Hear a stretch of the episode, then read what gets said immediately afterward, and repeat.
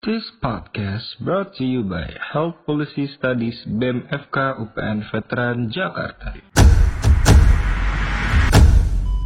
Halo semuanya, kembali lagi bersama kami di Space Dis, Space for Disclaimer, Don't Judge Without Listening. Seperti biasa, di sini kita akan membahas topik-topik terhangat yang berhubungan dengan dunia kesehatan di Indonesia. Sebelumnya, perkenalkan namaku Rahel dari Departemen Health Policy Studies BEM FK UPN Veteran Jakarta dan di sini juga sudah ada teman aku yaitu Halo semua, kenalin nama saya Ihsan. Aku dari Departemen Health Policy Studies BEM FK UPN Veteran Jakarta. Gimana nih kabarnya Rahel? Alhamdulillah baik nih San. Kalau kamu sendiri gimana kabarnya? Alhamdulillah masih baik walaupun di tengah pandemi ini kita terbatas oleh ruang dan jarak. Kita harus tetap produktif ya Hel. Nah, bener banget nih, harus tetap produktif dan juga tetap sehat ya pastinya. Nah, San, ada yang spesial nih untuk episode Space Dish kali ini, karena episode kali ini mengambil tema tentang problematika tembakau di Indonesia, sekaligus sebagai bentuk memperingati World No Tobacco Day atau Hari Tanpa Tembakau Sedunia yang jatuh pada tanggal 31 Mei. Selain itu, kita juga kedatangan tamu yang sangat spesial nih.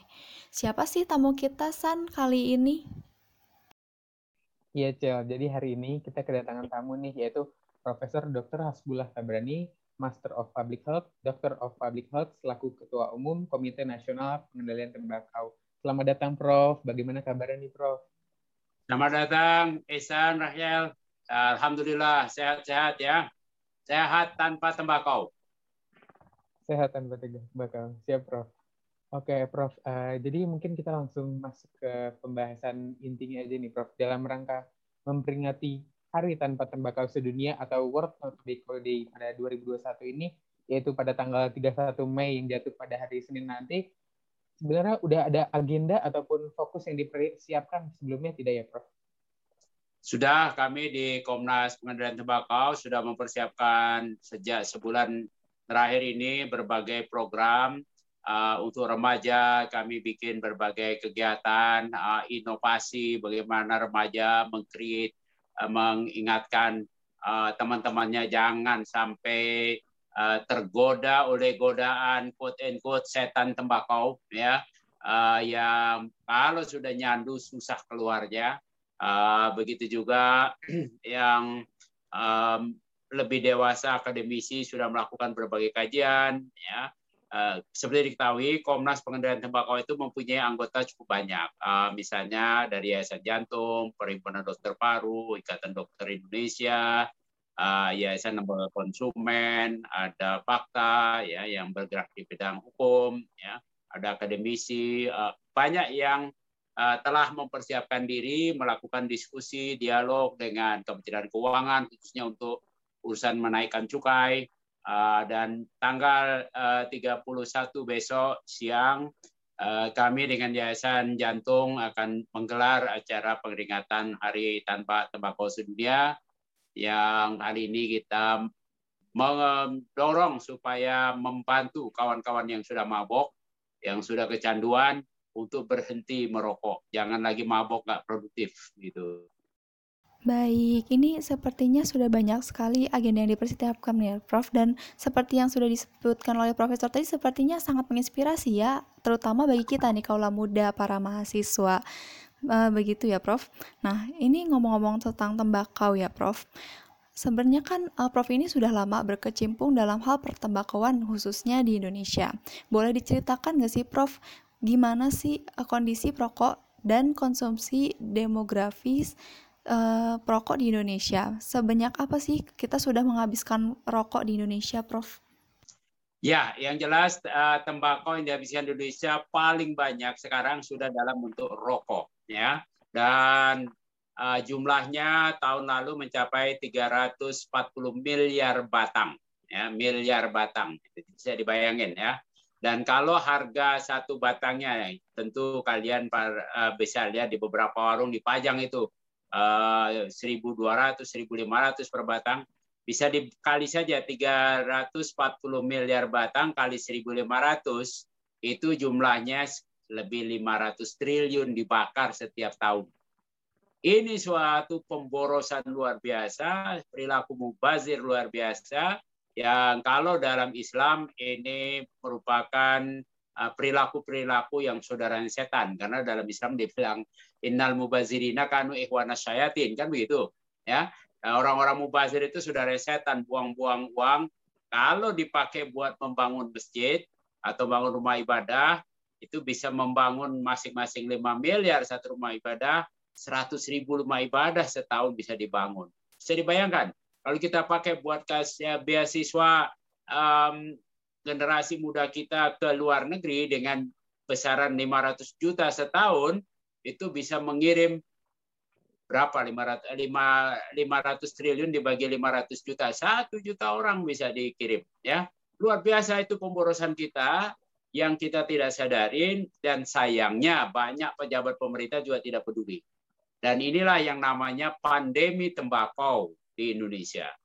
Nah, kalau mau dihitung angka kematian, kalau data WHO paling sedikit 200 ribu orang mati setiap tahun karena penyakit akibat rokok.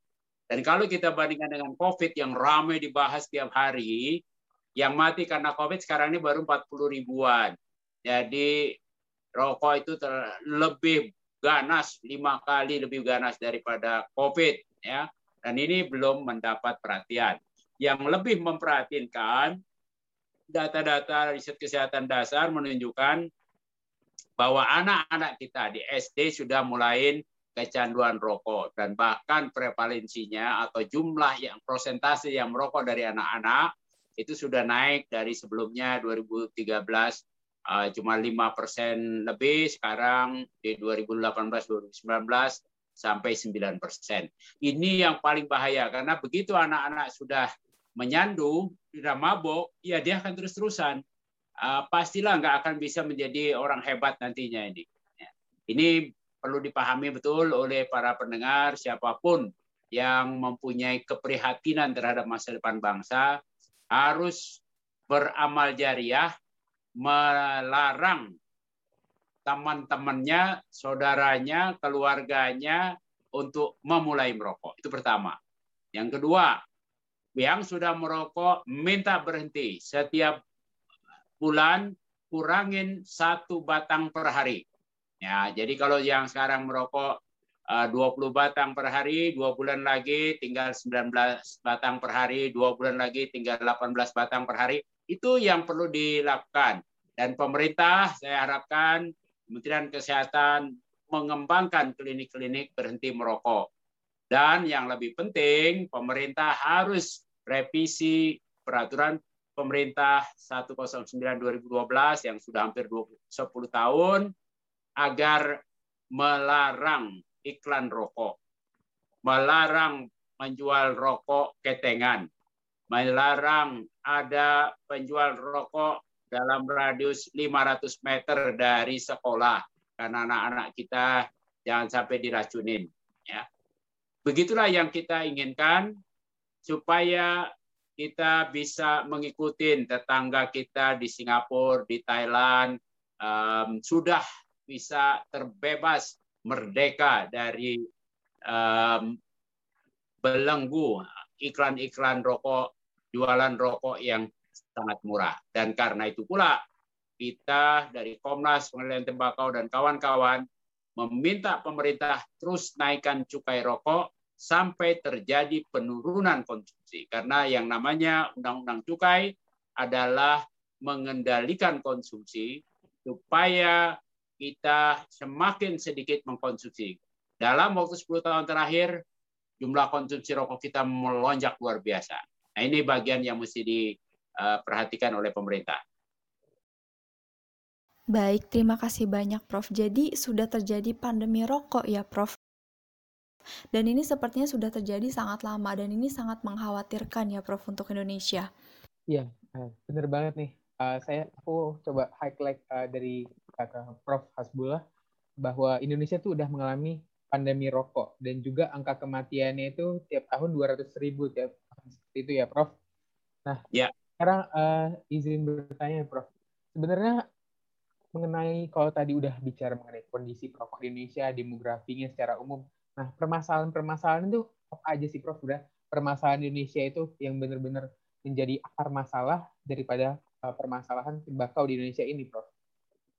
Ya, akar masalahnya adalah pemerintah kita tidak tegas mengendalikan uh, zat yang adiktif sehingga terjadi epidemi ini di Indonesia. Uh, seluruh dunia sudah membuktikan tidak ada lagi bantahan secara akademik bahwa tembakau adalah zat adiktif mengandung nikotin ya. Dan berbagai kajian ilmiah sudah menunjukkan bahayanya rokok bagi generasi muda maupun generasi tua menimbulkan berbagai jenis penyakit lebih dari 400 penyakit yang diakibatkan karena rokok, termasuk jantung, kanker, um, diabetes, tekanan darah tinggi dipengaruhi, uh, stres, begitu banyak. Dan juga uh, masyarakat kehilangan waktu produktifnya. Kalau kita lihat di kantor, uh, para perokok yang udah kecanduan, dua jam sudah keluar lagi, mau ngerokok. Ya kan? Berapa banyak itu waktu yang produktif yang hilang? Disebabkan karena pemerintah terlalu adem ayem ya. Jangan-jangan ada kolusi dengan industri rokok ya. Dan ada kesalahan paham pemerintah yang paling fundamental. Sebagian pejabat pemerintah menganggap industri rokok menjadi pahlawan berkontribusi terhadap pendapatan negara. Keliru besar Cukai rokok bukan industri, bukan kontribusi, bukan sumbangan, bukan peranan industri rokok. Penerimaan negara dari cukai rokok yang tahun ini 180 triliunan adalah uang denda kepada rakyat-rakyat yang ekonominya lemah, yang sudah kecanduan, yang tidak bisa hidup sehat didenda sehingga dia harus bayar uh, namanya cukai rokok yang jumlahnya sampai segitu banyak. Masa negara mau mau membanggakan uang denda? Sama saja dalam COVID ini negara atau Pemda membanggakan uang denda dari yang nggak pakai masker dibanggain. Oh kami udah terima uang denda masker dapat sekian puluh miliar. Ini mah sakit kepala orang bisa kalau berpikir seperti itu ya. Nah ini kekeliruan paham ya. Industri rokok tidak memberikan kontribusi luar biasa kepada ekonomi Indonesia maupun pendapatan negara. Ya, kerugiannya jauh, jauh lebih besar, tiga setengah sampai empat kali lebih besar. Itulah sebabnya kalau kita pergi ke berbagai negara, terbang dalam pesawat, tidak ada satupun pesawat yang membolehkan kita merokok. Kenapa? Minum boleh, makan boleh. Kenapa rokok tidak boleh? Ya karena itu berbahaya. Gampang sekali kan? Nah, tapi banyak orang Indonesia, pejabatnya, ulamanya tidak mau buka mata.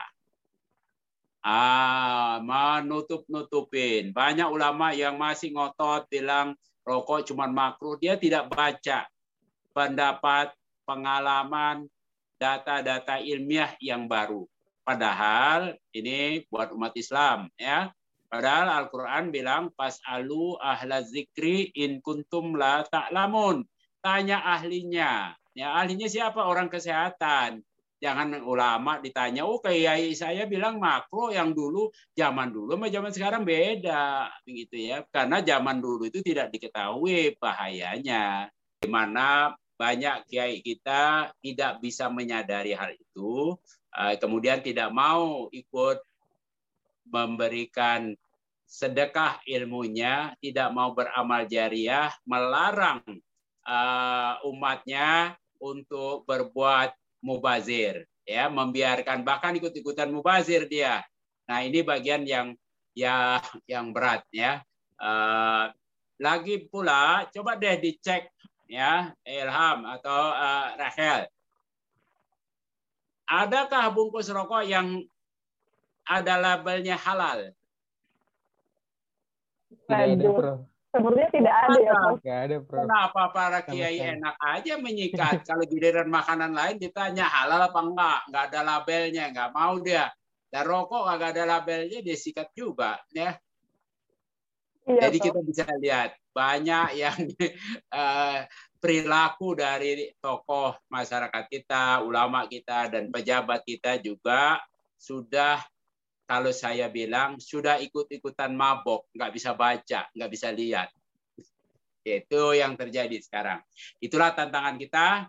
Jadi saya sangat berharap buat teman-teman generasi muda, uh, para pendengar acara ini, mari kita mulai tekad, kita minta tetangga kita, saudara kita, apalagi keluarga kita, mulai yang sudah terjebak, yang sudah mabok, mulai mengurangi. Kalau kontrol sekaligus memang susah karena udah mabok, Coba kita tekadkan dalam dua bulan kurangin satu batang per hari. Ah, tiap dua bulan kurang lagi, terus insya Allah dalam satu satu sampai dua tahun berhentilah merokok. Simpan uangnya, ya kalau satu batang rokok 1.500, kalau dikurangin satu batang sehari, ya itu artinya dalam sebulan sudah 45.000 kalau beli telur bisa dapat 2 kilo itu. Ya, kasih anak-anak yatim, kasih anak-anak sekolah yang perlu energi tinggi, perlu protein tinggi untuk bertumbuh kembang, ya. Sehingga kita mentransfer dari belanja mubazir ke belanja amal jariah yang pahalanya akan bertambah terus meskipun kita sudah mati. Kan begitu katanya kalau amal jariah.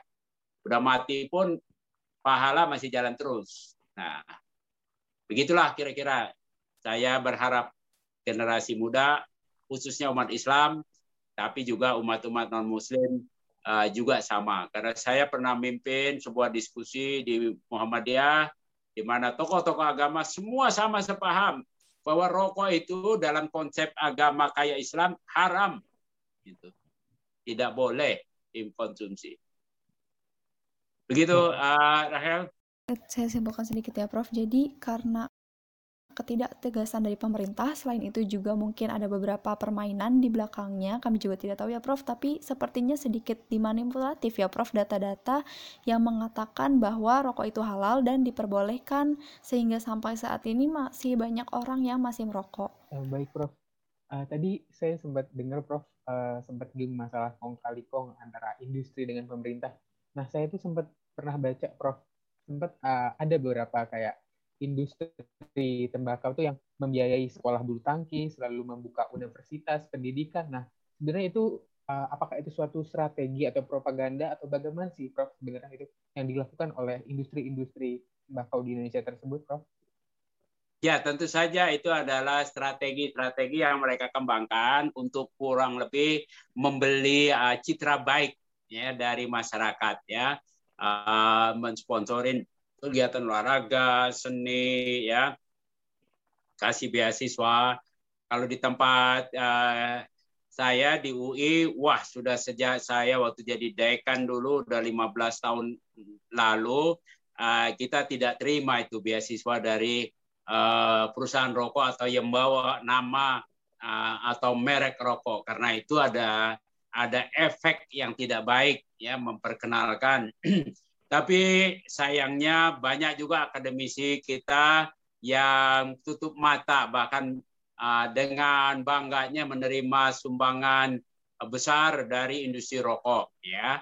Uh, itu bagian kena manipulasi ya. Uh, kita lihatlah coba lihat kamu perhatikan nonton bola pertandingan bola dari televisi seluruh dunia udah nggak ada lagi iklan rokok itu. Ya betul bro. Uh, itulah uh, masyarakat yang berbudaya jadi kita ini kurang berbudaya ini. Nah, iya Prof. Tadi kan sebelumnya Profesor juga sudah mengatakan bahwa pemerintah kurang tegas dalam menanggapi permasalahan tembakau di Indonesia.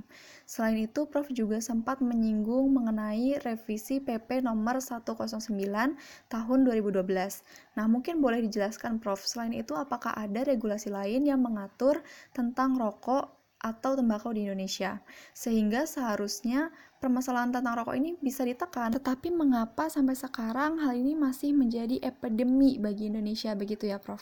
Nah, di dalam peraturan yang mengatur zat adiktif turunan dari Undang-Undang Kesehatan memang PP 109. Di luar itu ada aturan yang mengatur juga konsumsi rokok yang namanya Undang-Undang Cukai. Nah, Undang-Undang Cukai itu mengatur pungutan paksa kepada para konsumen barang-barang yang perlu dikendalikan namanya ya yang biasanya membahayakan kesehatan itu yang biasanya ya seperti rokok dan alkohol. Nah, ini uh, merupakan undang-undang yang kontroversinya banyak karena banyak pejabat yang ngelihatnya duit doang tidak peduli dengan korban rakyat di masa depan. Cukai rokok mempunyai dua manfaat besar. Yang pertama adalah dia bisa mengendalikan konsumsi rokok kalau cukainya tinggi. Ya, sehingga masyarakat uh, tidak mampu, apalagi anak-anak tidak mampu membeli rokok karena harganya tinggi seperti di Singapura, di Thailand, di Australia itu uh, tidak bisa. Bahkan di Australia tidak boleh ada rokok dipajang di depan yang anak-anak bisa lihat. Rokoknya pun tidak dipakai ada ada tulisan namanya plain packaging yang polos saja. Kenapa? Karena orang Australia sangat uh, komitmen membangun generasi depannya supaya tetap bersaing.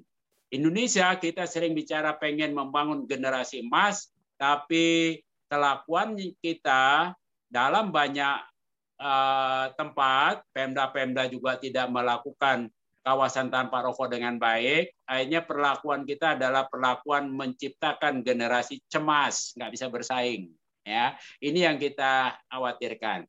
Harusnya undang-undang cukai ini dimanfaatkan semaksimal mungkin, pelan-pelan naikkan terus cukai. Memang dalam dua tahun terakhir, tiga tahun terakhir terjadi kenaikan, tapi income atau pendapatan penduduk juga naik, jadi efeknya belum cukup, sehingga konsumsinya masih tetap tinggi. Nah, saya selalu bilang kalau mau mengevaluasi apakah kita sudah jalankan undang-undang cukai dengan baik, buktikan bahwa konsumsi rokok turun misalnya 10% setiap tahun produksi rokok. Itu baru berhasil. Kalau sekarang masih tetap bertengger 340 miliar batang, uh, ya belum ada efek. Jadi naikin lagi harganya. Nah, tapi teman-teman di Kementerian Keuangan juga berbeda pendapat. Ada yang berpendapat kalau dinaikkan uh, cukainya besar nanti terjadi inflasi, nanti terjadi uh, selundupan dan sebagainya. Memang itu ada, tetapi harus dilihat mana manfaatnya, mana mudaratnya lebih besar. Ya, kita juga punya indikasi. Ada mantan pejabat bea cukai yang kemudian jadi uh, komisaris di perusahaan rokok. Ya, udah kelihatan lah. Ya, uh, kalau dia berkomitmen, kalau dia paham ya dia tidak mau jadi uh, komisaris di situ. Kan, kan begitu. Ini bagian-bagian yang kita bisa lihat uh, terjadi Eh, kebijakan yang tidak konsisten ya kita berikan uh, masyarakat berpendapatan rendah dengan bantuan langsung tunai dengan um, BLT atau uh, bantuan sosial tunai atau PKH ya orang-orang yang keluarganya mendapat bantuan itu juga membeli rokok lebih banyak. Tahun ini Badan Pusat Statistik menyampaikan bahwa konsumsi masyarakat membeli rokok lebih banyak duitnya daripada membeli beras. Jadi makanan pokok kita ini rokok atau beras? ini mungkin beras. udah udah benar-benar uh, ini epidemi yang berbahaya tapi saya berhimbau nih mudah-mudahan temannya Pak Presiden atau Eh, keluarga Pak Presiden mendengar ini ya Pak Presiden eh, kalau Bapak biarkan terus ini upaya-upaya Bapak yang luar biasa itu bisa tertutup habis karena masyarakat yang tidak hidup sehat, tidak menciptakan generasi emas, ya eh, pemborosan yang untung hanya mereka yang berada di industri rokok, Bapak mungkin tidak dapat informasi yang benar, Bank Dunia saja sudah melakukan studi kajian. Ternyata angka kemiskinan di kalangan petani tembakau jauh lebih tinggi. ya tujuh kali lebih tinggi. Itu tahun 2017 ya angka kemiskinan di kalangan uh, pekerja rokok juga lebih tinggi ya. Coba baca itu. Ya arti artinya Bank Dunia ini sudah khawatir begitu ya. Kenapa kita orang dalam negeri yang punya rakyat yang mengharapkan rakyatnya bisa berproduksi eh tidak pedulian? Nah, kepada para pemda-pemda, gubernur, bupati, wali kota, nanti ya, mungkin Anda akan ditanya oleh malaikat ya di kemudian hari. Kenapa kau biarkan rakyatmu pada mabuk-mabuk rokok itu? Ya, uh, bukan kau biar kau larang mereka supaya tidak hidup tidak mubazir karena mubazir itu saudaranya setan. Nah, uh, mudah-mudahan banyak pimpinan-pimpinan daerah dan juga anggota-anggota DPR, DPRD yang mau buka mata, mau berjuang demi pembangunan manusia masa depan bangsa Indonesia ini, ya. Nah, jadi kalian ini Ihsan, Rakel yang masih muda, uh, mulailah dari sekarang beramal jariah ini, ya, mengingatkan kepada semua pihak jangan mubazir, jangan merusak dirimu, Tuhan menciptakan tubuh kita biah sani takwim sangat bagus, sangat lengkap, jangan dirusak. Tuhan udah bilang orang-orang yang merusak ya, dirinya adalah orang-orang yang zolim. Ah, itulah ya. Eh, selanjutnya bicara tentang tadi udah bicara tentang regulasi nih, Prof. Lalu saya juga sempat membaca nih, Prof. Sudah ada suatu dokumen yang disebut FCTC, FCTC yang diresmikan atau diratifikasi tahun 2003 lalu. Nah, sebenarnya apa sih Prof itu FCTC ini? Ya, FCTC itu Framework Convention on Tobacco Control. Jadi sebuah komitmen yang diminta kepala-kepala negara tanda tangan agar berkomitmen untuk mengendalikan konsumsi tembakau. Bagaimana mengendalikannya? Ya ada cara kita mendidik rakyat bahwa rokok berbahaya, uh, kemudian kita mempunyai kawasan tanpa rokok, uh, mengurangi iklan-iklan rokok, ya, uh, kemudian menaikkan cukai, itu bagian-bagian yang merupakan himbauan atau komitmen pemimpin dunia, yuk bareng-bareng, ya, bukan membasmi Eh, industri rokok, mematikan industri rokok seperti yang diisukan eh, oleh sebagian orang. Nah, ini sudah ditandatangani tahun 2005. Sayangnya Indonesia tidak, Presiden Indonesia tidak tanda tangan. Bahkan pada 2000 April 2006, Presiden SBY demonstratif pada Uh, saat itu ketika pemimpin-pemimpin negara di berbagai uh, bagian dunia menandatangani, Pak SBY mengunjungi perusahaan rokok. Ini sangat memalukan, ya. Uh, kemudian sampai sekarang juga Pak Jokowi belum mau tanda tangan. Ada pejabat, ada juga akademisi, ada uh, tokoh yang juga keliru mengatakan bahwa ini konspirasi industri farmasi dengan WHO. Ada yang bilang juga bahwa ini akademisi yang bilang bahwa FCTC itu mengganggu kedaulatan negeri. Ini memalukan sekali. Semua pemimpin negara, masa kanselir Jerman tanda tangan, Perdana Menteri Inggris tanda tangan, Presiden Prancis tanda tangan, Perdana Menteri Jepang tanda tangan, Presiden Korea tanda tangan, Presiden Cina tanda tangan. Masa mereka uh, tidak terganggu apa terganggu kedaulatannya menandatangan itu kok kita tidak. Teman kita aduh memalukan sekali yang tidak tanda tangan. Somalia, Eritrea, negara-negara miskin yang tidak punya sumber alam. Ini karena apa? Karena presidennya mendapat bisikan keliru seolah-olah industri tembakau sebagai pahlawan. Nah inilah yang memalukan buat kita. Uh, Indonesia di mata dunia sangat-sangat jelek. Di Asia hanya kita Indonesia yang tidak tanda tangan FCTC. Ya. Memalukan sekali. Ya, tapi ya begitulah di negeri ini banyak hal yang di negara lain bisa berlaku berjalan dengan baik. Di negeri ini banyak keanehan. Nah mudah-mudahan Tuhan akan memberikan uh, petunjuk buat para pemimpin kita mulai uh, bisa terbuka, melihat sesuatu dengan cermat, berpihak kepada rakyat banyak, bukan berpihak kepada dirinya atau industri atau sebagian orang yang dia mendapat keuntungan. Itu namanya perilaku korup. Uh, izin menyimpulkan bahwa komitmen politik dari pemerintah Indonesia itu sebenarnya masih kurang ya, Prof. Ada Wah, bukan kurang, uh, uh, hampir tidak ada ini ya. Saya berharap uh, Presiden Jokowi, uh, Menteri Kesehatan yang baru Pak Budi Gunadi, uh, Sadikin, saya bilang ini Pak Menteri udah bagus banget namanya nih. Uh, mudah-mudahan berbudi luhur, berguna uh, di Indonesia ya dan berpegang kepada yang benar Sadikin Budi Gunadi Sadikin. Ah, mudah-mudahan dia terbuka nih ya. Walaupun tahu saya tahu ada tantangannya entah di DPR, di lingkungan istana, belum tentu presidennya tapi bisa jadi uh, ada lingkungan-lingkungan yang uh, tidak sepaham uh, mudah-mudahan mereka bisa mendapat uh, pemikiran yang jernih, uh, mendapat petunjuk hidayah dari Tuhan, uh, sehingga mereka bisa berani berbuat untuk melindungi seluruh rakyat agar tetap sehat dan kuat. Baik, Prof. Nah, ini mungkin terakhir ya, Prof.